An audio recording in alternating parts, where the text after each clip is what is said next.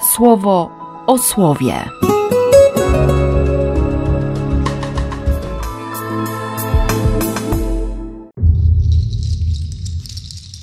Drugi sierpnia, wtorek.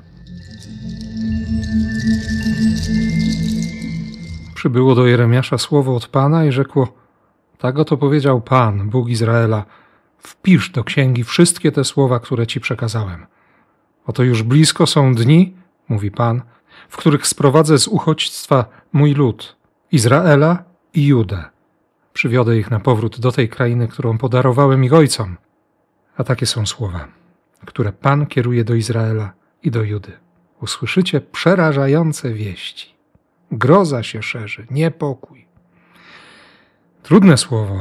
Słowo o konsekwencjach grzechu, słowo o odrzuceniu, słowo o cierpieniu, słowo o śmierci nawet. Czas udręki. Ale, ale nie bój się, Jakubie, mój sługo. Nie trwóż się, Izraelu. Sprowadzę was. Przywrócę z wygnania wasze dzieci. Ja bowiem jestem z tobą i cię ocalę. Taki smak, smak wolności, posmakować nadziei. I to nie jest żadna wyborcza kiełbasa, tylko, tylko słowo, które się wypełni. Bo jeśli Bóg daje słowo, to choćby miał wejść w śmierć, to on tego słowa dotrzyma. Dotrzyma go. Po prostu go dotrzyma. I jeszcze ta zapowiedź relacji. Relacji z władcą, relacji z panującym. Z tym, który, który będzie mówił ludowi, jakie są oczekiwania Boga, i będzie stawał przed Panem, by mówić o, o pragnieniach, o tęsknotach, o potrzebach, o, o problemach ludu. Tak sobie stałem dzisiaj przed tymi kilkoma osobami, które były na Eucharystii Wieczornej i, i wiedziałem, że to jest słowo do mnie.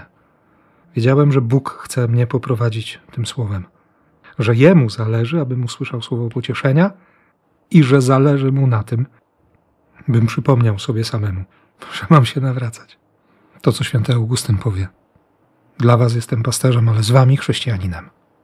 Proszę dzisiaj Boga, żeby, żeby nie przeakcentować żadnej z tych rzeczywistości. Aby z jednej strony nie uciekać od odpowiedzialności, a z drugiej strony nie być panem i władcą na krańcu świata. Dlatego bardzo się cieszę, że mamy dziś w kościele jeszcze słowo o tym niebezpieczeństwie śmierci, w jakie wszedł Piotr. Zaczęło się od, od tego, że Jezus został, nie? że chciał mieć ten czas dla siebie, dla Ojca, żeby wreszcie przeżyć sam na sam z Ojcem, otworzyć przed Nim swoje serce, przeżyć tę śmierć kuzyna, śmierć Jana Chrzciciela.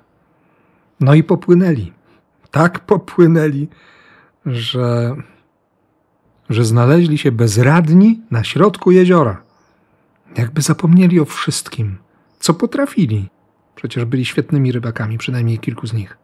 Co tam się wtedy w tej łodzi działo, trudno powiedzieć, można sobie wyobrazić. Wszystko się sprzysięgło przeciwko nim. No i Jezus to widzi. Trzecia nad ranem biegnie po falach.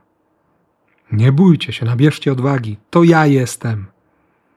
Piotr na to konkretnie, panie, jeśli to ty, rozkaż, bym i ja mógł przyjść do ciebie po wodzie. A co tam, nie? Niech się dzieje niemożliwe. No to przyjdź. Czy Piotr sobie uświadomił, że, że chodzi po głowach demonów i się tego wystraszył? Czy zląkł się czegokolwiek innego? Ogarnął go strach i pod jego wpływem zaczął tonąć.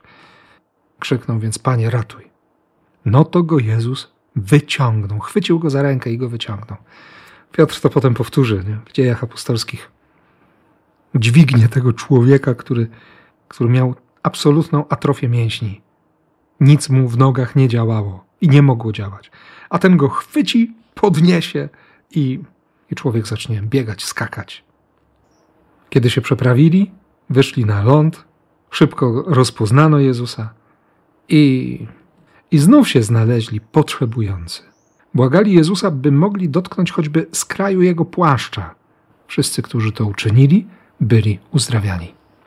Łaska bez ograniczeń, miłosierdzie bez zastanawiania się, czy ktoś zasługuje, czy nie zasługuje. Życie bez wstępnych warunków. Wystarczyło tylko przyjść do Jezusa. Więc przychodzę dzisiaj i będę przychodził dalej i, i wierzę głęboko, że, że Ty też to robisz. Że przychodzisz, że nie stracisz wiary, że nie przestaniesz ufać, że Ci nie braknie miłości. I dlatego tym bardziej Cię błogosławię w imię Ojca i Syna i Ducha Świętego. Amen. Słowo o słowie.